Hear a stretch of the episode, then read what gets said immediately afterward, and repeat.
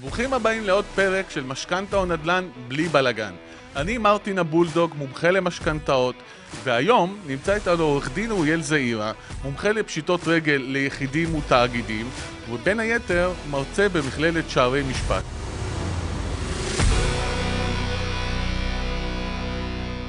שלום אוריאל, מה שלומך? מצוין, תודה רבה מרטין. אני הבנתי שגם אבא שלך עורך דין באותו התחום? אבא שלי עורך דין לנדל"ן, חגגנו לו עכשיו 50 שנות רישיון עריכת דין. וואו, בן כמה הוא? אבא שלי, תעשה חשבון שהוא כבר 50 שנה עורך דין, ילד הוא לא.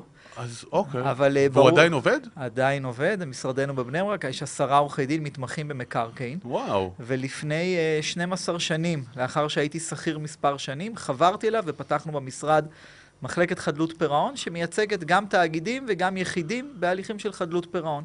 מובן. אז חדלות פירעון זה מה שכולנו מכירים פשיטת רגל, נכון? חדלות פירעון זה השם החדש, יש חוק חדש שנקרא חוק חדלות פירעון, וזה מחליף את המושג פשיטת רגל. שמה ההבדל ביניהם?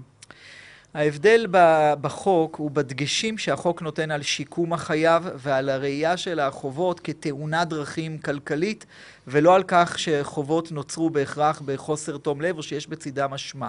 החוק שם את הדגש על שיקום ולכן נתנו לו שם יותר יפה מפשיטת רגל, את השם חדלות פירעון וגם החליפו חלק מהטרמינולוגיה, אבל מי שהכיר את הליך פשיטת הרגל לא יגלה עולם חדש לגמרי. הבנתי. כלומר, בתכל'ס זה נשאר בגדול, בתכל'ס זה נשאר אותו דבר, לא היה איזה שינוי מהותי.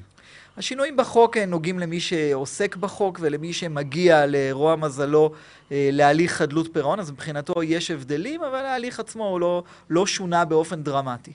אוריאן, תגיד, משהו שתמיד אני שומע אצל אנשים. למה הליך חדלות פירעון או פשיטת רגל, או איך שלא תקרא לזה, נמשך ארבע שנים? למה זה כל כך הרבה זמן? המחוקק קובע שהליך חדלות פירעון עד לדיון ייקח כשנה. מה יקרה בדיון? אבל רגע, זה שנה עד הדיון הראשון. זו שנה עד הדיון הראשון והיחיד הבנתי. שקורה בתיקים סטנדרטיים של חדלות פירעון. המחוקק קובע שלאחר הדיון, החייב, או כמו שקוראים לו היום בשם יפה היחיד, יקבל את כרטיס היציאה שלו מההליך. כמה יעלה כרטיס היציאה זה, כמה תשלומים הוא יצטרך לשלם ולמשך כמה זמן, את זה יקבע השופט. והמחוקק קובע שככלל, אנחנו ניכנס לתקופת תשלומים לאחר הדיון של שלוש שנים. התקופה הזו מיועדת גם לפקח על היחיד שהוא שינה את דרכיו, שהוא מתנהל אה, בצורה כלכלית נבונה יותר, שהוא לא חוזר על משגי העבר, בוודאי לא מכניס את עצמו להתחייבויות חדשות ויוצר חובות חדשים, אלא שהוא אה, תיקן את דרכיו, ולכן בשל... בשלוש השנים האלה יש גם פיקוח מסוים על היחיד, ואם הוא עמד בתנאים, קנה את כרטיס היציאה שלו ו... ושילם אותו, לאחר ארבע שנים פחות או יותר במסגרת הכוללת, הוא יצא לדף כלכלי חדש, כאשר במקרים, אה, אה, במקרים שבהם לא ראוי שהיחיד ישהה בהליך ארבע שנים, מקרים קשים מאוד סוציאלית או בריאותית או נסיבות כאלה, המחוקק גם מאפשר לקצר את התקופה. אוקיי, כלומר, איזה מקרים הם חריגים? זה רק מישהו שהוא בעיה, בעיות נפשיות, בעיות רפואיות? ב- מה, מי זה החריגים? החריגים הם אה, בשיקול דעת של בית המשפט, כאשר יש בגדול. מקרים אה, מובהקים, זה למשל מקרים של נכויות קשות שלא מאפשרות אה, לחייב להשתכר בכבוד, ולכן גם אין סיכוי שהוא יחזיר את חובותיו. ולכן המחוקק בחלק מהמקרים מאפשר לו הפטר מיידי כבר לאחר שנה, פוטר אותו מחובת התשלומים ומוציא אותו מהמערכת של בתי המשפט, כי הוא אומר אין טעם, מוציאים עליו זמן שיפוטי וזמן של הבנתי. משרד המשפטים וגם הוצאות שלו, ולכן נותנים לו הפטר מהחובות אה, בלי, אה, בלי שהוא יצטרך לשהות תקופה ממושכת בהליך. הבנתי. זו דוגמה מובהקת. אבל יש לנו עוד דוגמאות אחרות, יכול להיות אה, ניצולי שואה, יכול להיות על רקע של אה, מצב אה, בריאותי, או על רקע בעיות כאלה ואחרות, שבאמת בית המשפט משתכנע שגם מי שיצירת החובות הייתה בתום לב, וגם שאין טעם להחזיק אה, את האיש בהליך, ולכן משחררים אותו בהפטר. לא, לא דיברנו על כך עדיין, אבל הפטר זה הדובדבן שבגללו מרטין אנשים הולכים להליך הזה, שזה הליך לא פשוט, לא פשוט של, בכלל. חדלות, של חדלות פירעון, מה שהיה נקרא פשיטת רגל, וזה הדובדבן שאומר שגם אם לא שילמת את כל חובותיך בהליך, בית המשפט פוטר אותך, סוגר לך את תיקי ההוצאה לפועל, סוגר נגדך את כל התביעות ואתה יכול לפתוח דף כלכלי, לא דף כלכלי חלק, אבל דף כלכלי חדש. אוקיי. אני, אני שם לעצמי תזכורת על הדף הכלכלי החדש, כי זה קצת, זה עושה לי לא טוב. אבל בוא, אני רוצה לתת לך דוגמה, ותגיד לי מה אתה אומר על זה. תקשיב, יש לי מישהו, הוא היה בזמנו בעל מלון, הוא הגיע להליך של חדלות פירעון, פשיטת רגל, תקרא לזה איך שאתה רוצה. עכשיו, פסקו לו לשלם, אני לא זוכר, אלף שקל בחודש. כן. עכשיו הבן אדם הזה פונה לבית המשפט, אומר, תנו לי לפתוח, תעזבו, תנו לי לפתוח עסק חדש, אני אשלם למדינה במיסים מיליונים, לא 500 שקל לחודש. איזה היגיון יש להחזיק בן אדם עם כישורים ועם יכולות להחזיק אותו ב-500 שקל לחודש כשהוא יכול להניב למדינה מיליונים במיסים? זה פשוט עושה, לא עושה לי היגיון. לעתים באמת יש מקרים חסרי היגיון. אה, כעיקרון ההגבלה על אה, חדל פירעון, על אדם שנמצא בהליך הזה לפתוח עסק, זה החשש שהוא ימשיך להפסיד את כספי הנושים. זאת אומרת, במקום שהוא יחזיר, הוא ייצור חובות חדשים בהליך הזה, ולכן הטילו הגבלות, שהן לא הגבלות מלאות ומוחלטות, על ניהול עסקים בתקופה של חדלות פירעון, כדי לנהל עסק עצמאי, בניגוד לעבודה כשכיר, שאין צורך באישור לגביה.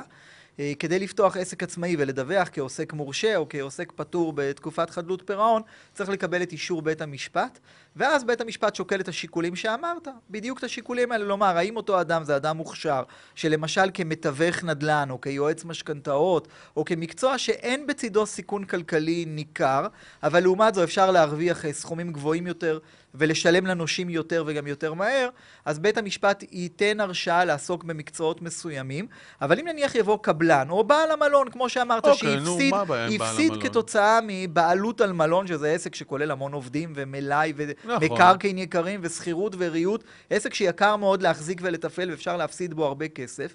בית המשפט יגיד, אתה, אתה עשית את חובותיך כתוצאה מכך שניהלת מלון אולי בצורה כושלת, ולכן אנחנו לא נרשה, לה, לא נרשה לפושע לחזור לזירת הפשע וליצור חובות חדשים. אבל אם תבקש לעסוק כעצמאי במקצוע שהסיכון בו הוא נמוך יותר, סיכוי טוב שיינתן לך. אבל רגע, אני רוצה להקשות עליך טיפה. ואם ניהלתי את אותו מלון מצוין, ובמקרה היה לי שותף שגנב מהעסק, וזה הביא אותי לפשיטת רגל. אני מנהל מלון מצוין, למה לא לתת לי לנהל מלון אחר? תשמע, מרטין, בית המשפט הוא לא רואה חשבון אה, חקירתי, וקשה לו מאוד לדעת אם אתה נקלעת לחובות בגלל שהשותף גנב, או בגלל הקורונה, שזה קרה להרבה מאוד עוסקים בתחום התיירות, או שזה קרה בגלל שאתה פשוט מנהל לא טוב. יכול להיות שאתה איש מקצוע מעולה בתחום המלונאות, יש לי לקוחות כאלה, הם אנשי מקצוע מעולים בתחומם, אבל אסור לך להתקרב לפנקס צ'קים. זו בעיה נפוצה מאוד, אני יכול לספר לך על לקוחותיי. שהם בעלי מקצוע מעולים. יש לי לקוח שהוא מספר אחד בארץ, באחד מ... אה, בנושא של קאנטרי קלאבים, בנושא הניהול והתפעול שלהם. אוקיי. אבל האיש הזה הוא אסון מבחינה ניהולית, צריך להצמיד לו מנהל שינהל אותו וייהנה מהידע המקצועי שלו. הבנתי. ויש כאלה לא מעט אנשים, הם לא בהכרח מגיעים לפשיטת רגל. יש שפים שיודעים מצוין לבשל, אבל לא יודעים לנהל מסעדה. נכון. ולכן לא ייתנו להם בתקופה של פשיטת רגל, לא ייתנו להם לנהל עסק עצמאי, אמרו לו, לך תהיה שף, או לך תהיה מנהל קאנטרי קלאב, אל תהיה עצמאי, תהיה. שכיר, ותוכל לעבוד ולהשתכר יפה וגם לשלם חובות. מובן. בוא נחזור רגע לדף הכלכלי החדש. כן. הרי בינינו, אף אחד הרי לא שומע. זה לא באמת דף כלכלי חדש. בן אדם שמסיים פשיטת רגל, יש עליו הגבלות עוד הרבה מאוד שנים קדימה. אז זה קצת כאילו, זה, זה כאילו, זה סוג של שקר כזה שאומרים לבן אדם בשביל להכניס אותו, להכניס אותו לתהליך, ולהגיד לו, כן, יאללה, דף חדש, וזה, אתה, הכל נמחק, הכל זה... ובסוף כשהוא מסיים את התהליך הוא מגלה שזה לא נכון. מרטין, יש לנו בעיה חמורה עם שיקומם האמיתי בחיי המעשה של חדלי פירעון, של אנשים שעברו חדלות פירעון, קיימו את כל התנאים, יצאו מההליך אחרי ששיתפו פעולה בתום לב, ואין חולק ואין עוררין על התנהגותם. יש לנו בעיה חמורה עם ההחזרה הפרקטית שלהם למעגל, ה- למעגל אין החזרה החיים פרקטית, הכלכליים. זאת הנקודה, שזה לא קיים. המחוקק, שכתב במטרות החוק, שהחזרת החייב למרקם החיים הכלכליים זה אחד היעדים של החוק. אבל כשאותו אדם ניגש לבנק, מבקש לפתוח חשבון בנק, הוא לא רוצה, הבנק לא רוצה. הבנק לא רוצה אותו. ברור שהוא לא רוצה הבנק אותו. אפילו מתנער ממנו, ואפילו בנק שלא עבד איתו, הוא נכנס למאגר של שירותי נותני אשראי. נכון. שכל הבנקים מחוברים אליו, ורואה שאותו אדם, היו לו בעברות צ'קים חוזרים, הוא השאיר חובות, היו לו תיקי הוצאה לפועל, ואם הוא היה בפשיטת רגל, אז בכלל הבנק אומר לו, אדוני, אנחנו מאחלים לך בהצלחה, בהצלחה בעסקיך, אבל לא אצלנו. הם גם לגמרי עוברים על החוק, הם כביכול, הרי הם אמורים לפתוח לו חשבון בכל מקרה. הם גם מתנערים גם מזה, כאילו, אתה יודע, שזה עד כדי כך שהם מוכנים להסתכן כביכול בלעבור על החוק, אל תהיה שבכלל לא רוצים שהבן אדם הזה יפתח חשבון. הבנקים אה, לעיתים עוברים על החוק, כמו במקרים שציינת, כי לבנקים לפי חוזר, אה, לפי חוזר בנק ישראל, הבנקים חייבים, חייבים. לפתוח חשבון גם לאדם שנמצא כרגע נכון. בחובות, כרגע בפשיטת רגל. כל בנק חייב לאפשר לו פתיחת חשבון, הוא לא חייב לתת לו אשראי ולא נכון, כרטיס אשראי. וגם לא חייב לתת לו צ'קים, זה שיקול דעת הבנק, ולא צריך להעמיד לו משכנתאות וכולי. אבל לפתוח חשבון חייבים, כדאי שמאזיננו ידעו שאם הם במצב הזו, שהם היו בחדלות בכל פירעון, מצב מותר לפתוח חשבון בכל בנק. אם הם יעמדו על דעתם, אם הם יעמדו על דעתם, והם ילכו לבנק, שבאותו בנק הם לא עבדו בעבר ולא השאירו בו חובות, לבנק אסור לסרב לפתוח להם חשבון. אז רגע, משהו פרקטי, אז מה עושים? הלכתי לבנק, אומרים לי, לא, לא רוצים לפתוח לך חשבון. מה עושים? תאמר לפקיד, אני אשלח לך תכף מכתב מעורך הדין שלי, ואז יכול להיות שהפקיד ישנה את דעתו מיד, ואם הוא לא ישנה את דעתו מיד, לאחר שהמחלקה המשפטית של הבנק תקבל את המכתב, היא תיתן הוראה לפקיד הסורר, שהוא לא בדיוק סורר, אלא מיישם מדיניות הבנק כן, שלא נכון. רוצה לקוחות כאלה, לפתוח חשבון. אבל זה הדבר היחיד שתוכל לעשות, זה יהיה כמו חשבון בבנק הדואר, לא תוכל לא לקבל אשראי, לא צ'קים ולא, ולא uh, כרטיסי אשראי. הבעיה שלי היא לא כל כך נושא פתיחת החשבונות, שמסתדרת בסופו של דבר, גם יש בנקים כמו בנק הדואר, שזה בנק מצוין שמאפשרים ללא בעיה פתיחת חשבון. אה, אבל יש לנו בעיה קשה עם המידע והנתונים וזנב המידע השלילי שנסרח מאחורי חדלי פירעון, גם לאחר שהם סיימו את ההליך ומילאו את כל חובותיהם.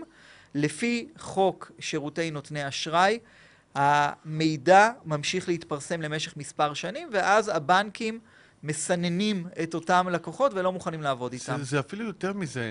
לפי החוק, המידע אמור להישאר שלוש שנים, אבל אני מתחייב לך אישית, בן אדם שעבר פשיטת רגל, גם אחרי עשר שנים, כל הבנקים יודעים שהיה לו פשיטת רגל. כולם, כולם, כולם, כולם. אני אומר לך את זה בוודאות מוחלטת. אתה מעלה כאן בעיה חמורה שמצריכה התערבות של המחוקק. אבל מאיפה הם שואבים את המאגר? היום- אני- לפי החוק היום, בוא, בוא רק נבהיר לטובת המאזינים. לפי החוק היום, מידע על אדם, מידע פיננסי, מידע צרכני, על החזרת צ'קים ש... שהוא אה, חילל צ'קים, אה, לא- צ'קים שלו חזרו בהיעדר כיסוי וכולי, או מידע על פשיטת רגל שאדם היה בה, או, או על אה, הגבלת חשבון שהייתה לו, המידע הזה אמור להישמר שלוש שנים אצל בנק ישראל, שהוא זה שמעביר את הנתונים לחברות, ה... לשכות האשראי, ולאחר מכן להימחק. בפועל, בפועל, כל לשכות האשראי וגם הבנקים מצוידים, מצוידות במידע היסטורי הרבה הרבה יותר ארוך. בדיוק למשל, הכונס הרשמי. נכון. מאוד. הכונס הרשמי, מקור המידע מספר אחד על פשיטות אמת. רגל, מחזיק ללא הגבלת זמן, ללא הגבלת באתר זמן. האינטרנט שלו, מידע על פושטי רגל, שהוא אמור למחוק אותו, ואחרי שלוש שנים הוא אנחנו לא לא, אמורים אותו. לראות. הוא, הוא לא, לא מוחק, מוחק אותו. אותו. נכון, הוא לא, הוא לא מוחק אותו. אני, אני, אני, אתה יודע, אני עוסק בזה. אני בא עם אנשים, פשיטת רגל לפני עשר שנים, כל הבנקים יודעים שהייתה פשיטת רגל. כן. למי מתלוננים? הבקשה להסרת מידע צריכה להיות אה, מוגשת לבנק ישראל. לא, אבל בבנק ישראל המידע הזה כבר לא קיים. אז אה, אפשר לפנות בתלונה למפקח על הבנקים. אני לא תמים מספיק כדי להגיד לך שזה בכל המקרים יעבוד. צריך לזכור עוד דבר, מרטין, ואנחנו בדיוק נכנסים פה לתחום המומחיות שלך אוקיי. ולעצותיך שוות זהב שאני קורא אותם אה, ברשתות החברתיות. תודה רבה. השאלה האם הבנק יעבוד איתך או לא יעבוד איתך, וכשאני אומר לעבוד, הכוונה היא לא לתת לך חשבון בנק עם כרטיס דביט. הכוונה היא למתן אשראי. הכוונה היא למתן פנקס צ'קים. הכוונה היא לאפשרות לנהל חשבון עסקי, חשבון של חברה או של עוסק מורשה. זה לחלוטין בשיקול דעת הבנק, ואם הבנק לא רוצה להעמיד אשראי בגלל המידע הזה, לא תוכל בעד שום הון שבעולם להכריח אותו, ואין גורם גם שיכריח אותו. ולכן אנחנו צריכים לדאוג שהמידע הרלוונטי יהיה שקוף ונגיש וזמין לפרק הזמן שהמחוקק אומר, שזה אה, שלוש שנים, ולאחר מכן באמת יימחק. אוקיי. אה, יש לי כמה בעיות, אתה, אתה הזכרת את זה שעל ה, על הנושא של החזרת הח- היחיד או החייב, איך שתקרא לזה, למערכת. הבעיה שלי עם זה היא שני דברים. אחד, זה למה, טוב, מדינת ישראל קשה לדבר בשמה, זה קצת גדול, אבל למה נניח לשכת עורכי הדין לא מארגנת איזושהי הכשרה או חניכה מטעמה לאדם שמסיים הליך פשיטת רגל של איך להתנהל מכאן והלאה? התשובה היא, מרטין, שהמחוקק במסגרת חוק חדלות פירעון נתן אפשרות לבתי המשפט לחייב מי שעובר תהליך של שיקום כלכלי לקבל אה, הדרכה, הדרכה כלכלית שמארגן משרד המשפטים, זה גוף שנקרא אה, הממונה על חדלות פירעון, הוא אה, רוכש קורסים כאלה מחברות אה, מתמחות, ובחלק מהמקרים אה, מחייב את אה, חדלי הפירעון לגשת לקורסים כאלה, כיוון שראו שחלק גדול מהאנשים שמסתבכים בחובות, אני לאחר לא שהם מקבלים. הפטר, מסתבכים פעם אה, שנייה או שלישית. הסיבה שלא נתקלת כל כך בקורסים אה, האלה, כיוון אוקיי. שזה התחלתי. יש, אה, אין, יש אולי כמה מאות אנשים שעברו את הקורסים האלה, אל תשכח שצריכים לתת את הקורסים האלה גם במספר שפות, בערבית, אולי באמהרית, אה, ולכן זה עדיין לא מאוד נפוץ, אבל יש התחלה של דברים כאלה. אה, חשוב להדגיש, לא כל האנשים שעוברים הליך של חדלות פירעון זקוקים לקורס הזה. לא, לא, ממש לא. למשל, אם היה אדם שהיה ערב לחובות של עסק והעסק קרס, אנחנו מניחים, יכולים להניח שאותו אדם יתנהל כלכלית בצורה אה, נכונה, אבל אה, הוא היה חתום על ערבויות לחובות של עסק, שזה דבר שקשה מאוד לעמוד בו, כי הסכומים הם הרבה יותר גבוהים, המספרים גדולים יותר, ולכן, ולכן הכשרה כלכלית היא לא נדרשת, כיוון שאותו אדם יודע להתנהל כלכלית. ההכשרה הזו מאוד מאוד נחוצה לאנשים שנמצאים במעגל של הרווחה ושל השיקום. מאוד מאוד חשוב ללמד אותם גם נושא של מיצוי זכויות מול רשויות המדינה, מול ביטוח לאומי וכולי, וגם להכשיר אותם להתמיד אה, בעבודה, וגם להתנהל כלכלית בצורה נבונה, לצרוך רק מה שיש. הממונה עצמו, הממונה על חדלות פירעון, אומר שבחלק גדול מהמקרים הקורס הזה הוא לא אפקטיבי, כיוון שזו בעיה של רווחה, ולא בעיה של אה, חינוך, בעיה שלאנשים. פשוט אין מספיק ממה לחיות. הבנתי. אני לשנייה מכניס אותך לנישה קצת יותר עמוקה, וכבר נחזור ל... מה קורה לי עם אנשים שעברו פשיטת רגל? בדיוק מכל מה שתיארנו, מגיע בן אדם שעבר פשיטת רגל לפני חמש שנים, בסדר? כבר היסטוריה ארוכה. יש לו חשבון בנק בלי צ'קים, בלי הוראות קבע, בלי כרטיסי אשראי, בלי שום דבר. עכשיו, בן אדם כזה, ברגע שאתה מוציא לו דוח נתוני אשראי, הוא ריק, אין שם שום מידע, בכלל, אפס. בן אדם כזה, גם אם אתה מבקש משכנתה או מבקש כל דבר אחר, אתה מקבל כאילו תשובה שאין מידע, אז לא יודעים כאילו איך לנתח את הבן אדם הזה. ופה, אם הייתה הדרכה, גם לאלה שכביכול לא הסתבכו כלכלית באשמתם, זה דווקא יכול מאוד לעזור, כי הם היו בונים את הדבר הזה הרבה יותר נכון. כי אני רואה, אתה מסיים עם האנשים בשלב ההפטר ונפרד מהם. אני מקבל אנשים שמונה שנים אחרי פשיטת רגל, אין להם חשבון בנק. בכלל. מזעזע. נכון, זה נורא ואיום. מזעזע, כיוון שחשבון בנק אפשר גם תוך כדי הליך פשיטת רגל. כן, הם מפחדים מהבנק, הם אני מפחדים חושב, מהבנק. אני חושב, מרטין, שההדרכה איך לצבור אה, מוניטין חיובי בבנקים ואיך לעבוד עם בנקים ואיך לצבור מידע חיובי, אני חושב שהגורם היחיד היום במדינת ישראל שמעביר הכשרות לזה זה אתה. זאת אומרת, אם הייתי ממליץ לכל חדלי הפירעון, אה, שהיו שואלים אותי איפה אפשר להשיג מידע על יצירת קרדיט חיובי והשגת מידע חיובי שיגרום לבנקים כן לתת משכנתה, כן לתת אשראי, הייתי מפנה אותם אה, לפוסטים שלך והייתי שמח אה, לשמוע בעצמי את, ה- את הדרכים, איך... כמו שאתה אומר, בן אדם מגיע אחרי חמש שנים עם, עם סדין ריק. סדין המי- ריק. המידע הזה יוצא, שאנחנו קוראים לו סדין כי הוא לבן. נכון. אה, הוא יוצא ריק, כיוון שאחרי שלוש שנים בנק ישראל מוחק את המידע. מ- עכשיו, מה בן אדם צריך לעשות כדי שבנק ייתן לו אשראי? אנחנו, אנחנו כבר ניגע בזה. יש לי עוד ש- שתי, כמה דברים דחופים שאני רוצה לסיים איתך, ברשותך. אה, יש המון התעסקות עם כל הנושא הזה של ה-BDI. אתה בטח מכיר את זה. בוא נמחק את ה-BDI, נתקן את ה-BDI, נסגור את הנתונים, נמחק את הנתונים. כן. אה, התעסקות בלתי פוסקת בזה, יש עורכי דין שמומחים לנושא. מה, מה, מה אנחנו עושים עם כל הדבר הזה? מרטין, זה פופוליזם, הרבה פעמים זה פרסומת לשירותים שעורכי הדין לא מסוגלים לתת. אף עורך דין, וניסו, אני, אה, אני הבאתי איתי לאולפן לצורך העניין, לא, לא יכול למחוק אה, בשלוש השנים הראשונות לאחר קבלת ההפטר, לא יכול למחוק את המידע שהיית בפשיטת רגל, אין, אין כוח בעולם שיכול להביא לזה. ניסו, יש פסק דין של השופטת איילת רוך מבית משפט השלום בחיפה, ניתן בשנת 2021, עורך דין שהיה בפשיטת רגל ופנה לבית המשפט ואמר, קיבלתי הפטר, מה שווה ההפטר הזה?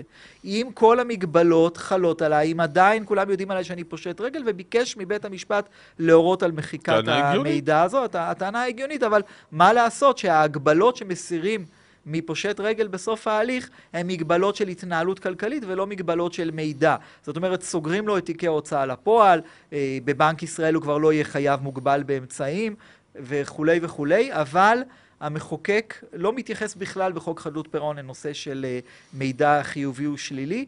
בחוק, לגבי האשראי, נקבע שהכונס הרשמי צריך להעביר את המידע על פשיטות רגל גם על ההתחלה שלהם וגם על הסיום שלהם בהפטר או בדרך אחרת, אה, להעביר את המידע הזה לבנק ישראל ששומר את, ה, ששומר את המידע. ולכן, אם יש לכם הבטחות לתיקון האשראי, אז ההבטחות האלה מאוד מאוד מוגבלות לסיטואציות אה, ספציפיות, שבהן יש או מידע שגוי באמת, או מידע שלא נמחק לאחר uh, מספר לאחר שנים. שהוא, לאחר שהוא היה אמור להימחק. נכון. אני רואה בפייסבוק המון, יש פרסומים של עורכי דין, משהו, נוסח, לא צריך פשיטת רגל, אפשר להגיע להסדרים, ומשהו בסגנון הזה. הכוונה היא לא צריך ללכת לפשיטת רגל, יש פתרונות אחרים, וכן הלאה, וכן הלאה, וכן הלאה. מה, מה זה אומר? הפרסומים האלה בדרך כלל מתחילים, אני לוקח אותך רגע הצידה כן, כן, כדי כן, לחזור כן, לעיקר. כן. הפרסומים האלה בדרך כלל מתחילים במילים מחיקת חובות. ותצלום של אותו אחד שהם מחקו נכון, לו את החובות. נכון, זה צ'ק גדול, כן. לפעמים עם עיניים מכוסות וכולי, וזה אומר... זה צ'ק גדול. כן, ואומר, אה, חובות של מיליון שקל נמחקו תמורת 36 אלף שקלים ב-36 חודשים. אבל זה בדרך כלל מתייחס לבן אדם שזה חוב מלפני 100 שנה, נכון? זה, אני רוצה לומר לך על הפרסומים האלה, הפרסומים האלה משדרים מסר לא טוב.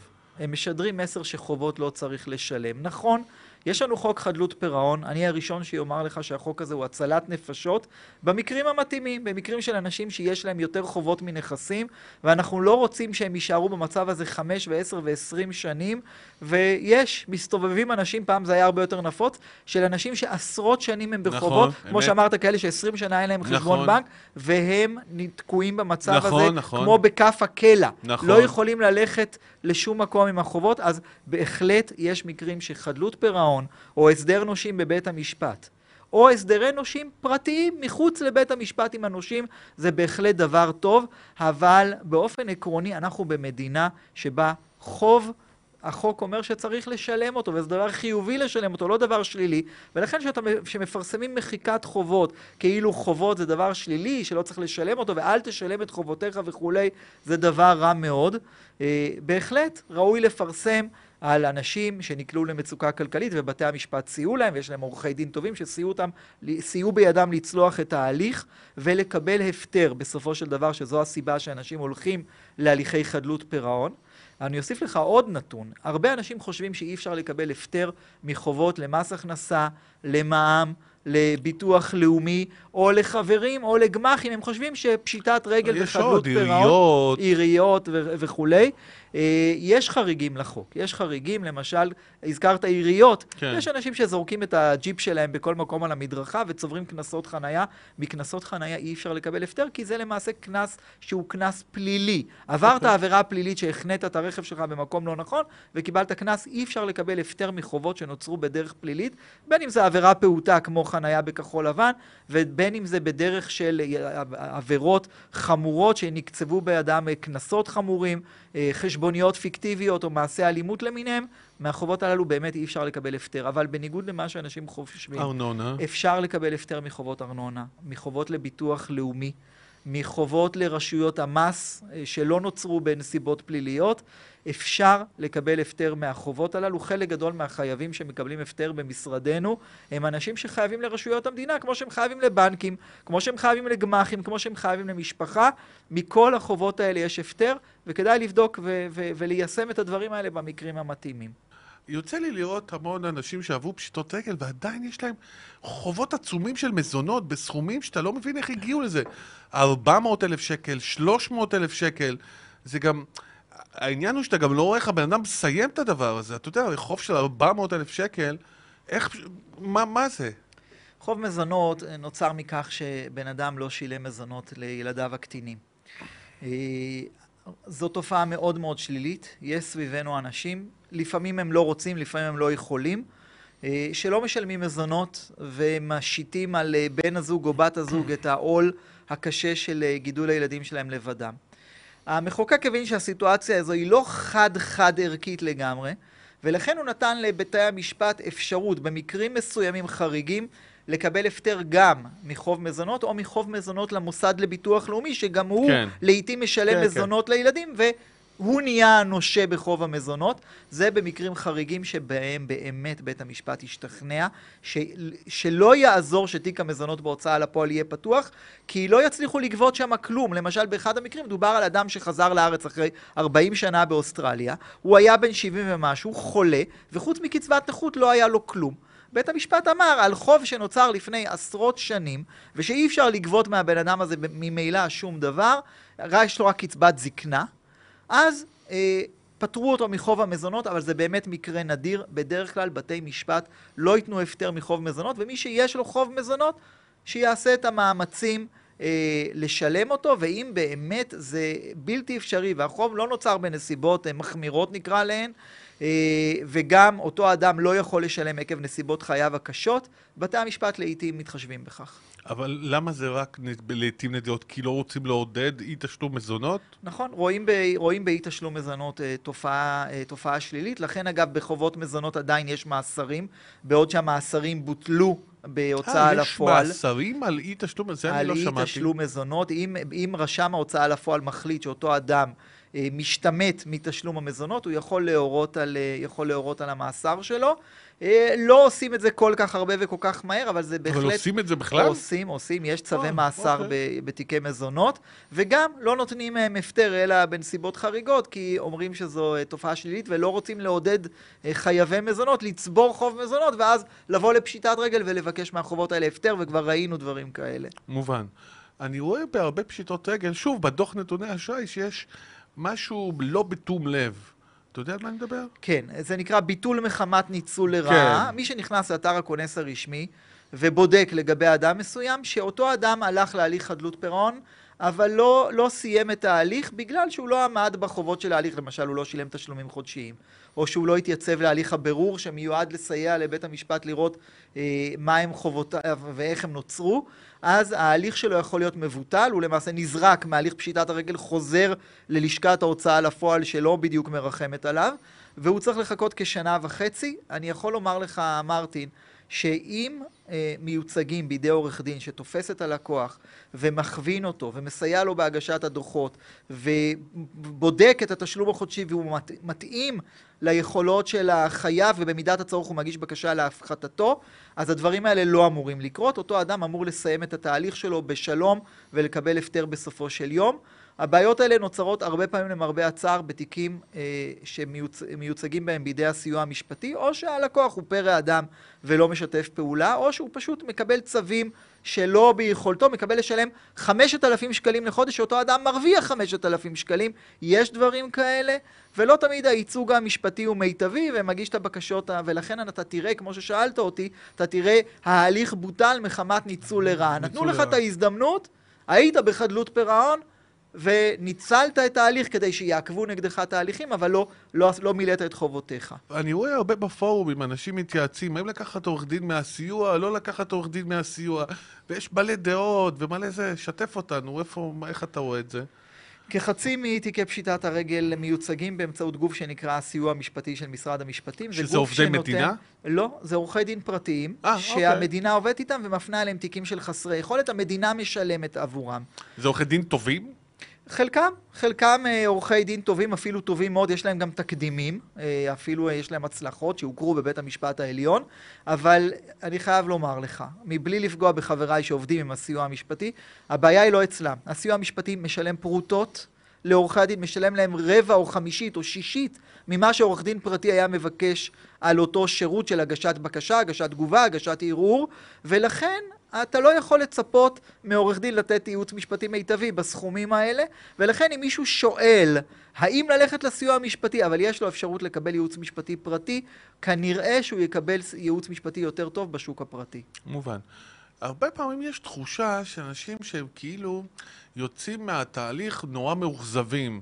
לא יודע איך להסביר את זה, זה כאילו הם ציפו למשהו אחד ובפועל הם יוצאים... כביכול הם לא קיבלו את התוצאה שהם רצו, או מה שהבטיחו להם. אתה מכיר את זה? אנשים שיצרו חובות וחיים מתחת לרדאר של המערכת כמה שנים בניסיון להתחמק מעיקולים, מהוצאה לפועל וכולי, ואני שוב, אני לא אומר את זה כמאשים, לא, אלא... לא, ברור, אנחנו לא מאשימים אף אחד. אלא קורבנות של המערכת ברור. במידה מסוימת, אז הרבה פעמים יש להם תחושת תסכול ומרמור. הוא אומר, למה קיבלתי הפטר רק מ-90% מהחובות שלי? יש לי חבר שקיבל הפטר מ-98% מהחובות שלו. הם נוטים להשוות ואין מקרה אה, דומה למקרה. לעתים התלונות האלה הן מוצדקות, המערכת לא מספיק התחשבה בהן, אבל צריך לזכור, אדם שקיבל 70, הפטר מ-70 או 80 אחוז מהחובות שלו, הנושים שלו נותרים שהם לא קיבלו את אה, רוב הכספים שלהם, ואולי הם יגיעו לפשיטת רגל. אותו אדם עדיין, סך הכל בדרך כלל הגיע לתוצאה טובה, מחקו לו את רוב החובות, והוא צריך לקחת את חבל ההצלה שהושיטו לו ולטפס איתו החוצה מהמתחם של חדלות פירעון אל החיים הכלכליים החדשים. מובן. שאלה יותר קשורה אליי. הרבה פעמים יש סיטואציות, נגיד שאדם נמצא בפשיטת רגל והוא רוצה לקחת איזושהי משכנתה חוץ-בנקאית שבשביל לסיים את הפשיטת רגל, נפוץ מאוד. וכשמדברים עם העורך דין שלו, הוא נורא חושש מזה, כאילו נורא מפחדים מזה. לא, אבל אסור לקחת הלוואות בזמן פשיטת רגל, וזה, כאילו, אתה יודע, יש נורא רתיעה כזאת. עכשיו, אני לא כל כך מבין למה, אבל סך הכל בוא, זה אמור לקצר לך את העבודה, אז כאילו, מה, מה הפחד?